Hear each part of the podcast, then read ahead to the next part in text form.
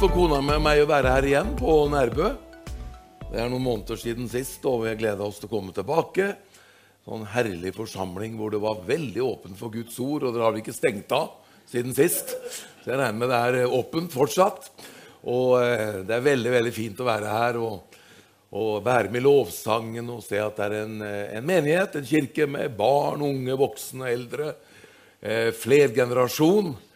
Og eh, folk med forskjellig bakgrunn fra forskjellige land. Og, og, og eh, ja, en liten eh, taste of heaven, sier jeg. En smak av himmel. Og det er jo det en, en menighet skal være. Vi skal være en smak av himmel. Og det vi skal være i våre liv også. Vi skal være smak av himmel.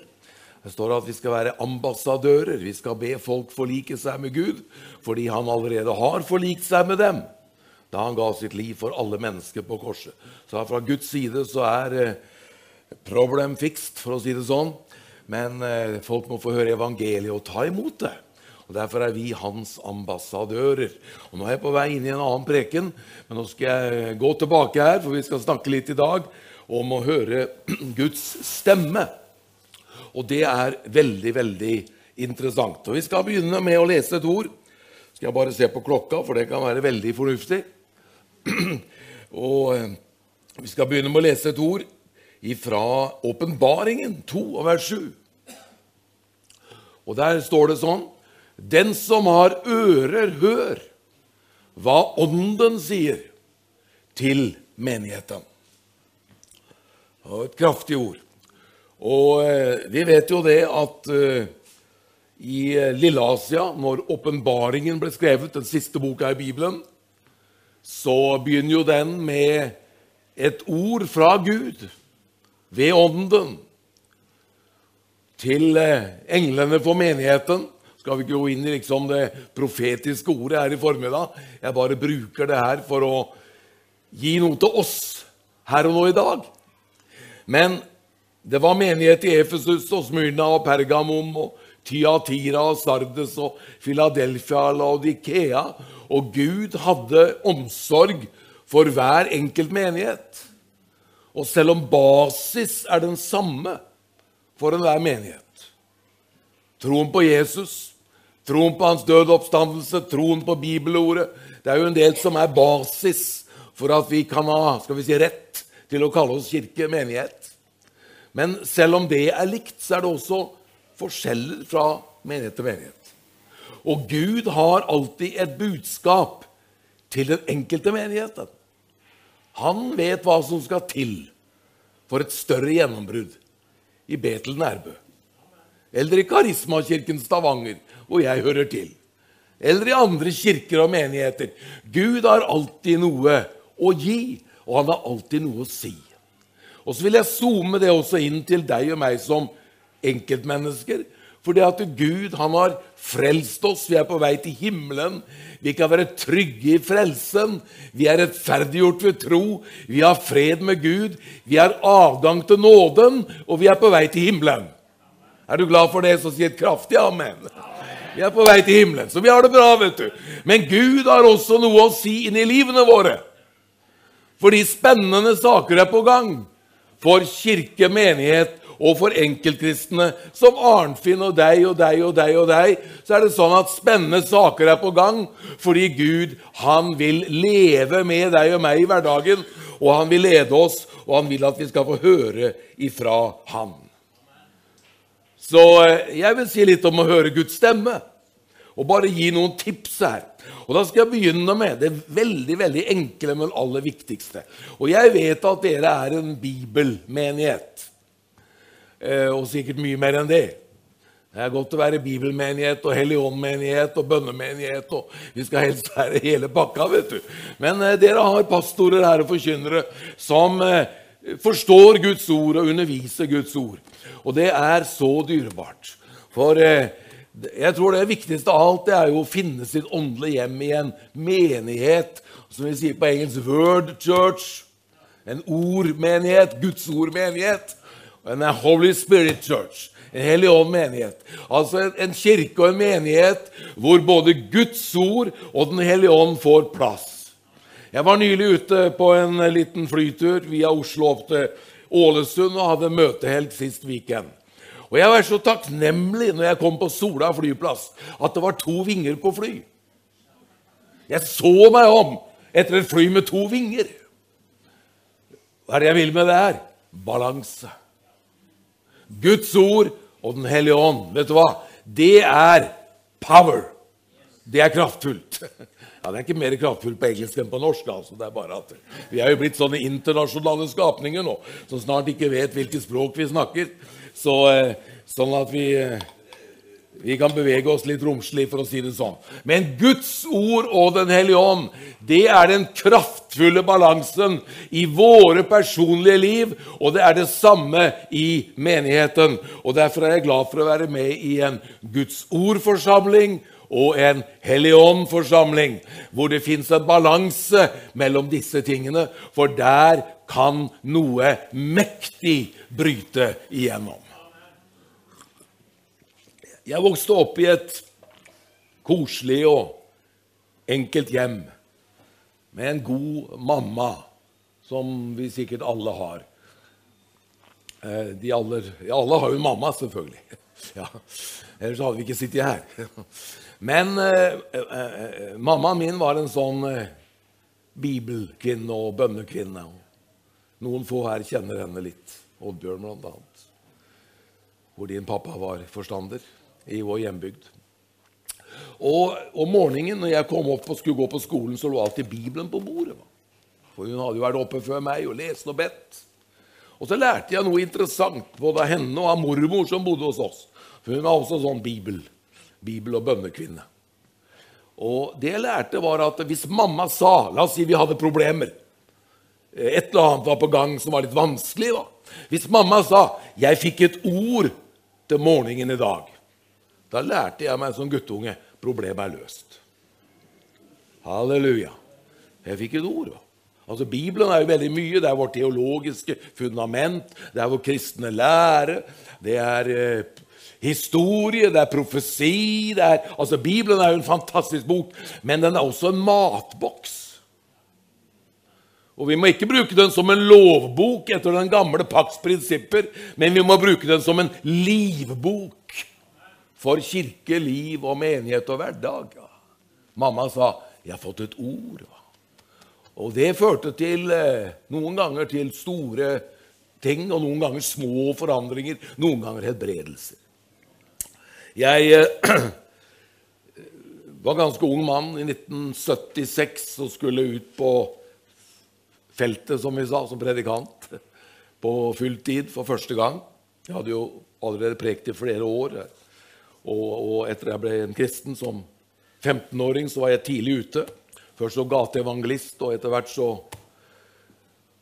Av alle mennesker på jord så var det tre lutherske damer i ei lita bygd i Høland.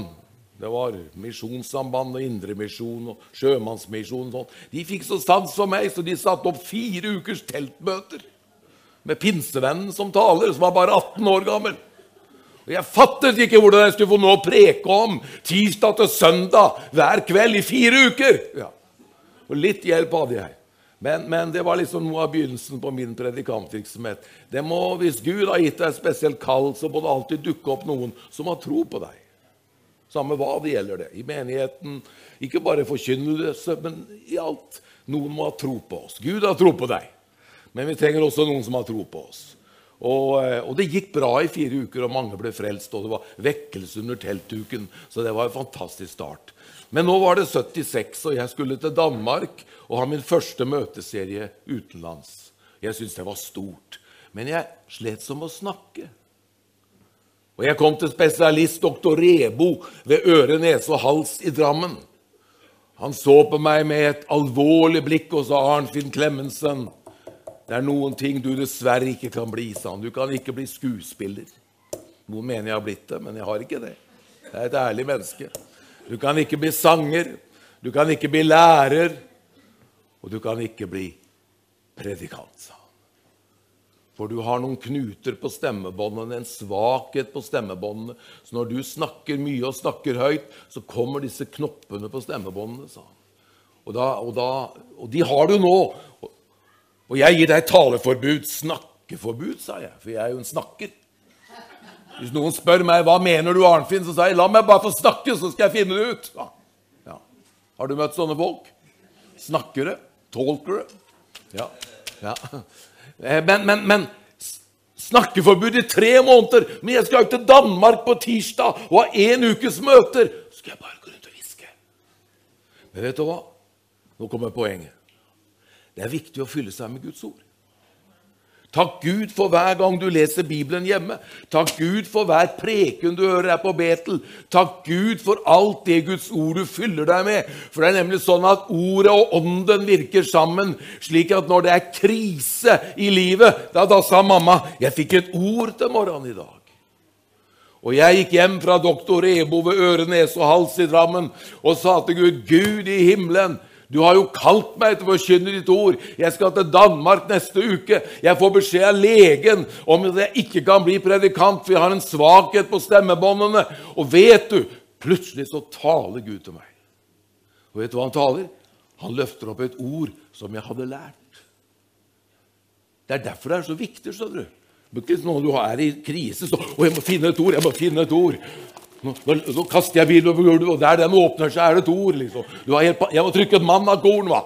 Det er ikke noe feil med et mannakorn. Jeg trykte mannakorn med bestemor så lenge bestemor levde. Jeg nesten hver dag som guttunge.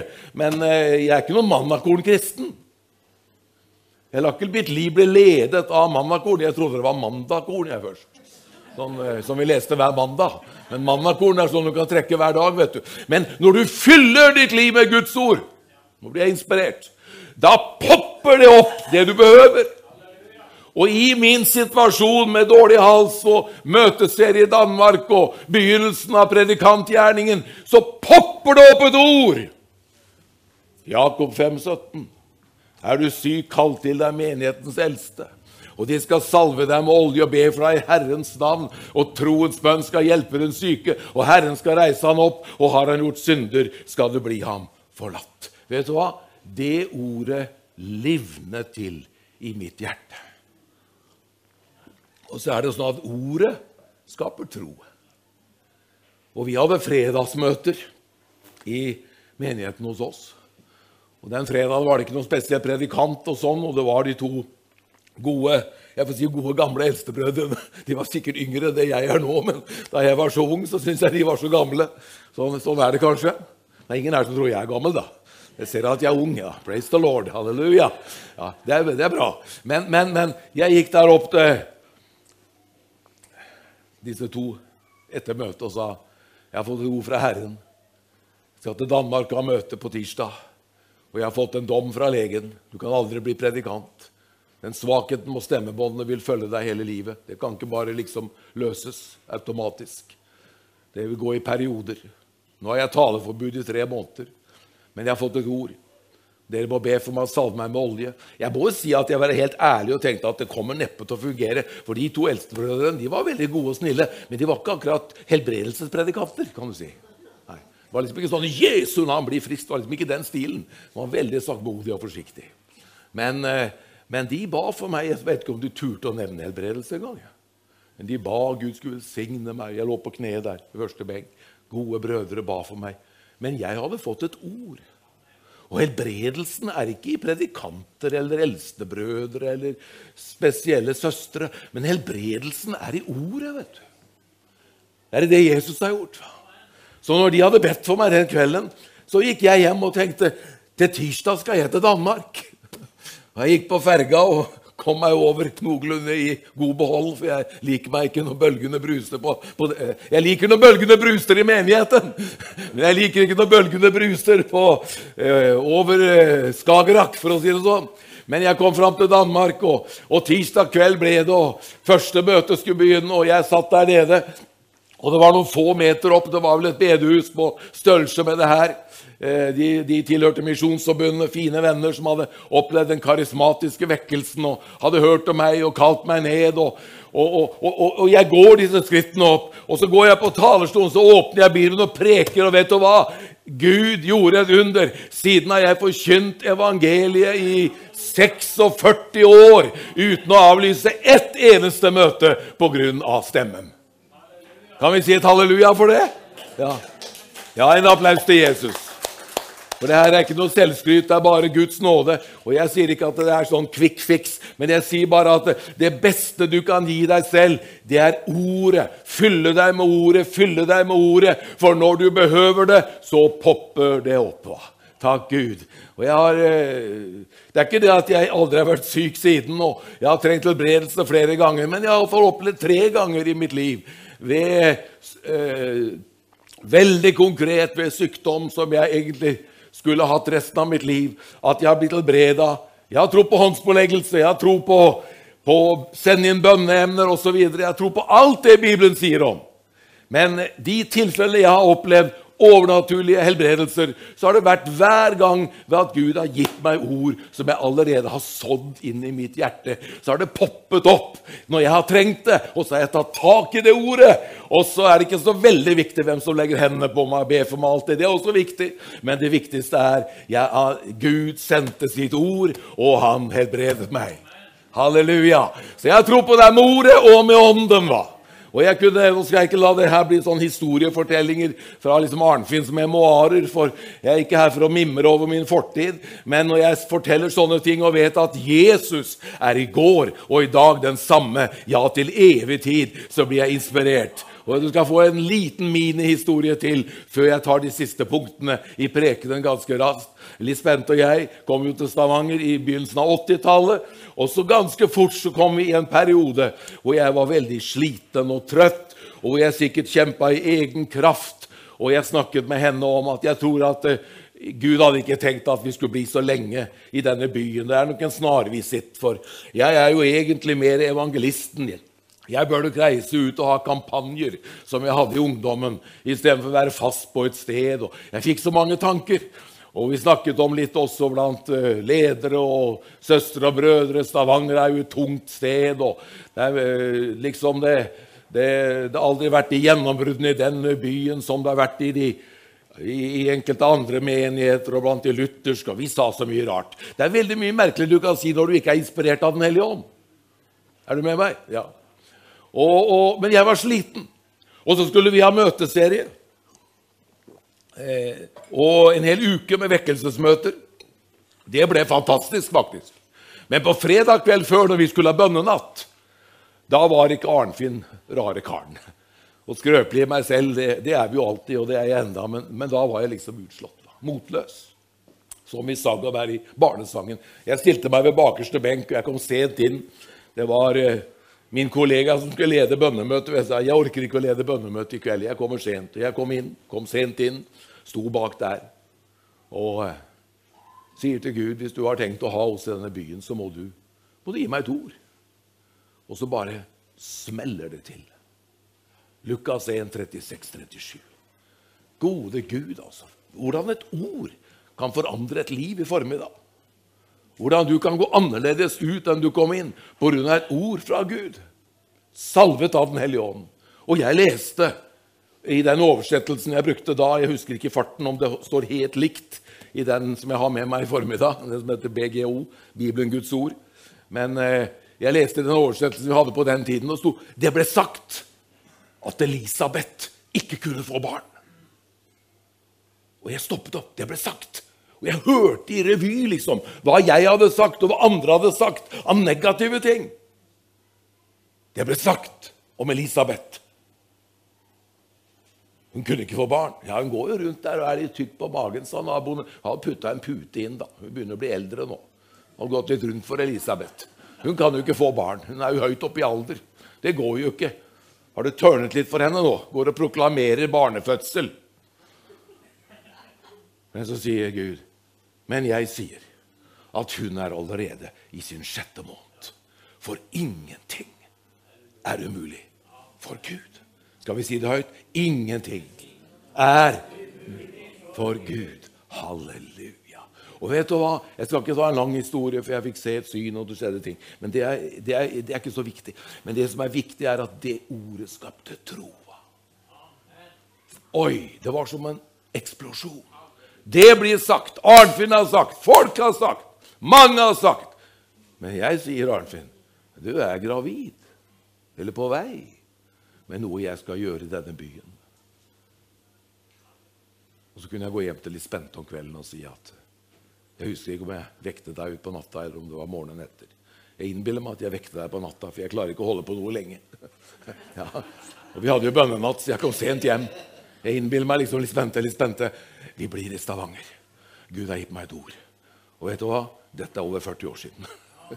Og vi er fremdeles i Stavanger. Nå skal vi ikke bli stuck i Stavanger, det er ikke det jeg sier, men, men, men, Gud satte oss der. Men poenget mitt er ikke hvor lenge vi har vært der, men poenget mitt er at Gud kan forandre ved ordet og ved ånden. Så det gjelder å fylle ordet, fylle opp ordet, fylle opp ordet. For når du trenger det, så kommer ordet til deg, det som du har bruk for. Lurer på om taletiden er ute. Hvor strenge er dere her på Betel, leder? Ikke så strenge? Da tar vi de siste punktene, da. Det fortsetter i samme gaten. Er du glad i formiddag? Ja. Du er på rett sted, vet du. Du er i Guds forsamling og hører Guds ord og lovpriser Herren. Det er fantastisk å være på rett sted. Vi kan høre altså gjennom å lese ordet, og så kan vi høre gjennom å få forkynt ordet. Og det er jo det du gjør akkurat nå. Va? Og det er det du gjør fra søndag til søndag. Det er veldig mye som er viktig i en menighet. Masse, masse ting er viktig i en menighet. Og jeg kunne ramse opp. Men, men, men, det aller, aller viktigste det er jo dette å prise Gud og høre ordet. Va? For ordet forkynt. Være en ordets menighet.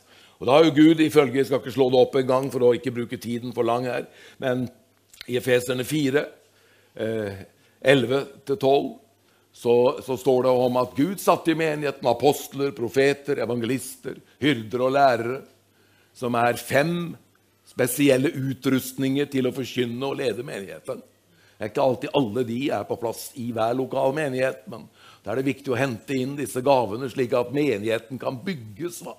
Det er en av grunnene til at dere også har gjestepredikanter. og Selv om pastorene i kjerka har mye flott å gi, og sånn har det vært for meg i Stavanger i alle år. Jeg har hatt mine gaver, og så har jeg hentet inn andre gaver, slik at forsamlingen kan bygges og utvikles og trenes og komme inn i tjeneste gjennom disse ulike sider av forkynnertjenestene. Apostlene som er pionerene, profetene som kanskje ser litt lenger, evangelistene som brenner for sjelers frelse, hyrdene som har omsorg for jorden, og læreren som kan sette på plass ting i Guds ord og gjøre det klart for forsamlingen. For å gi et minikurs i disse fem gavene. Men poenget mitt er at Gud har satt forkynnende gaver og undervisende gaver og ledende gaver i menigheten for å utruste alle de hellige til deres tjeneste. Så eh, Møt forkynnelsen, og det tror jeg dere gjør, for det merker jeg på dere. Og, og jeg tror dere gjør det også når eh, pastorene deres, de vanlige, for å si det sånn, da, er til stede. At dere møter dem med forventning og med begeistring.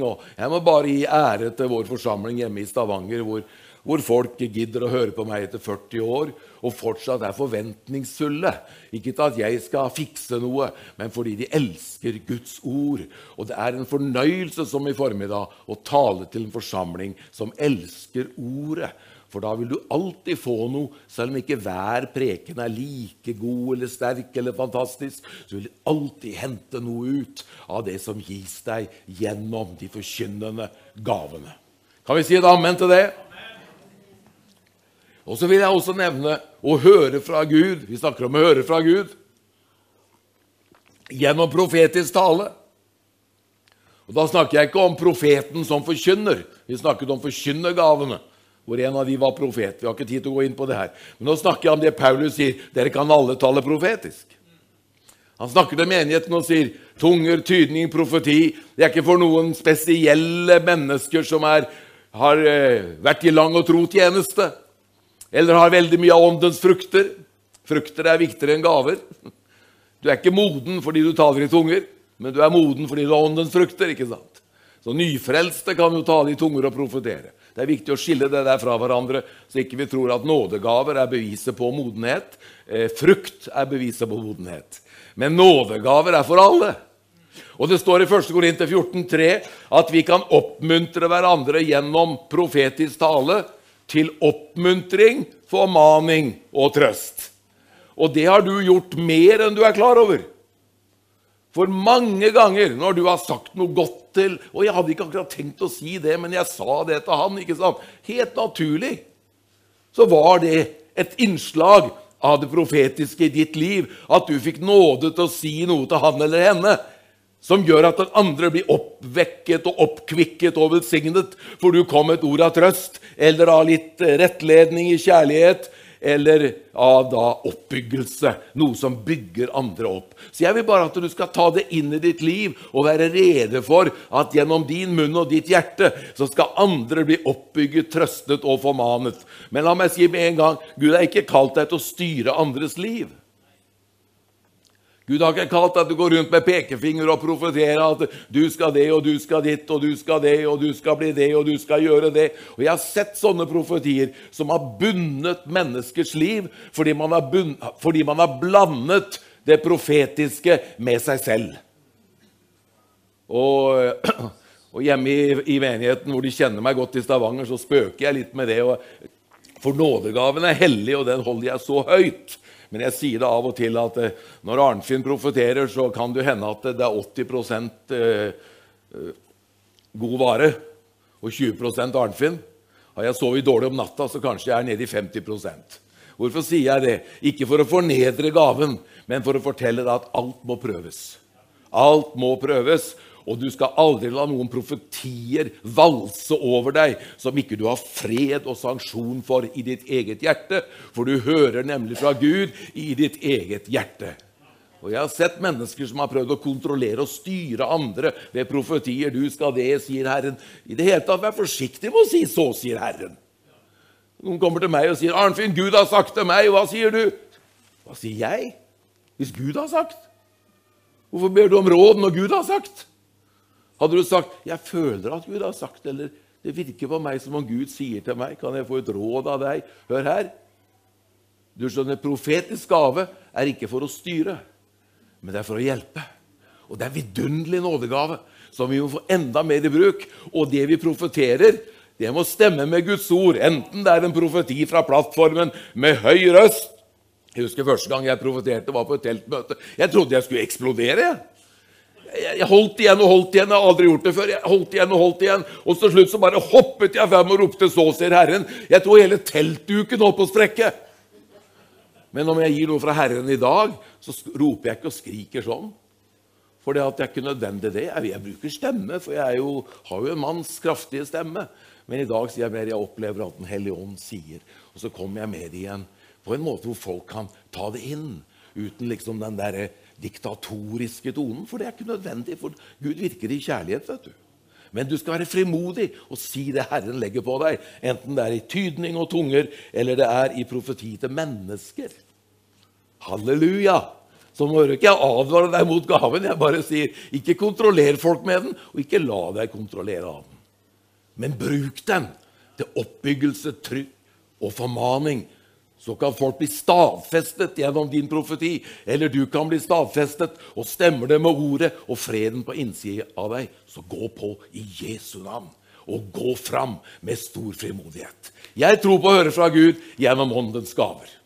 Kan jeg få et amen på det? Dere ble så stille nå, så jeg begynte nesten å lure på om dere var litt eh, motstand her. Eller? Nei, nei, nei, nei da. Vi vil være sunne i det, men vi vil ha det. du vet. Noen liksom... De, noen er så redde for sånt at det blir ingenting. hva. Og, og, og, og, liksom, så har vi alle eksempler på kanskje usunn bruk av nådegaver, og så blir det at vi bruker ingenting av det. Men vi skal ikke la eventuelt usunne ting vi har opplevd eller hørt om, eh, ødelegge for oss. Vi skal bruke det. Og jeg, vil, jeg, kan si det også i parentes, siden klokka nærmer seg halv ett, og jeg går inn for landing med to vinger på fly så kan jeg bare si det at når det gjelder profetier og, og, eh, og, mer inn i tiden og inn i alt som har skjedd Vi har hatt vanskelige tider bak oss, og det skjer mye i vår verden. Så lytt på de profetrøster og predikantrøster og hyrderøster som du kjenner gjennom mange år, og som du har tillit til. For det er så mange kristne jeg møter i dag, som bruker altfor mye tid på Facebook du kan godt være på min Facebook-side. da, Den er trygg og god. Ja, ja jeg har litt, litt moro med deg. Men, men Ikke liksom bare finn deg en YouTube-profet eller en Facebook-profet som du aldri har hørt før. Jeg har fått mange henvendelser i denne koronatida fra folk som har hekta seg på en eller annen som ikke de vet hvem er, som kommer med de sprøeste ting, og folk blir helt forvirra. Skal, skal vi gjøre det? Skal vi gjøre det? Skal vi gjøre? Ja, hvem er disse, da? sier jeg. Nei, det vet vi ikke helt. Ja, Hvilken menighet kommer de fra, da? Nei, det vet jeg ikke helt. Hvilket åndelig lederskap er det som har anerkjent dem, da? Nei, det vet vi ikke helt. Hør her. Jeg har veldig tro på de overnaturlige nådegavene. At vi skal gå fram i frimodighet med dem og bryte igjennom. Men jeg har ikke tro på usunt. Og at vi skal liksom bli ubalanserte kristne. Vi skal gå med Ordet, og vi skal gå med Den hellige ånd. Hør fra Gud i ditt hjerte. Jesus sa, 'Mine får hører min røst, og de følger meg.' 'Jeg kjenner dem, og de følger meg.' Så Jesus sier til deg og meg nå og til meg, 'Arnfinn, jeg kjenner deg, og du kjenner røsten min.' 'For du har gått med meg i mange år, så du vet når det er meg som snakker.' Og du vil ikke følge en fremmed. Hvorfor det? Fordi du har fylt meg med ordet. Fordi du har fylt deg med ordet, så vil du ikke følge en fremmed. Du vil gjenkjenne i en predikant, du vil gjenkjenne i en bror, du vil gjenkjenne i en søster røsten ifra Jesus. Du vil gjenkjenne det på Facebook, du vil gjenkjenne det på YouTube, du vil gjenkjenne det i møter. Røsten ifra Jesus. Og du skal stole på freden i hjertet ditt. For han vil lede deg ved sin Hellige Ånd og ved sitt ord. Og ufattelige ting kan skje når vi fyller oss med Ordet og samtidig ha tro og slipper Den hellige ånd løs. Det må vi våge. Det må vi våge. Og Om det da er noen usunne ting som skjer sånn i ytterkantene, så lever vi med det, for vi vil gjerne ha luft i luka av liv. vet du. Men samtidig vil vi at det er den sunne strømmen som skal være med og bryte igjennom, slik at folk blir frelst, og syke blir friske, og slik at Nærbø blir et annerledes sted, fordi det fins en menighet her som er en Helligånd-menighet og en Guds ord-menighet. I Jesu navn. Til det sier vi alle amen.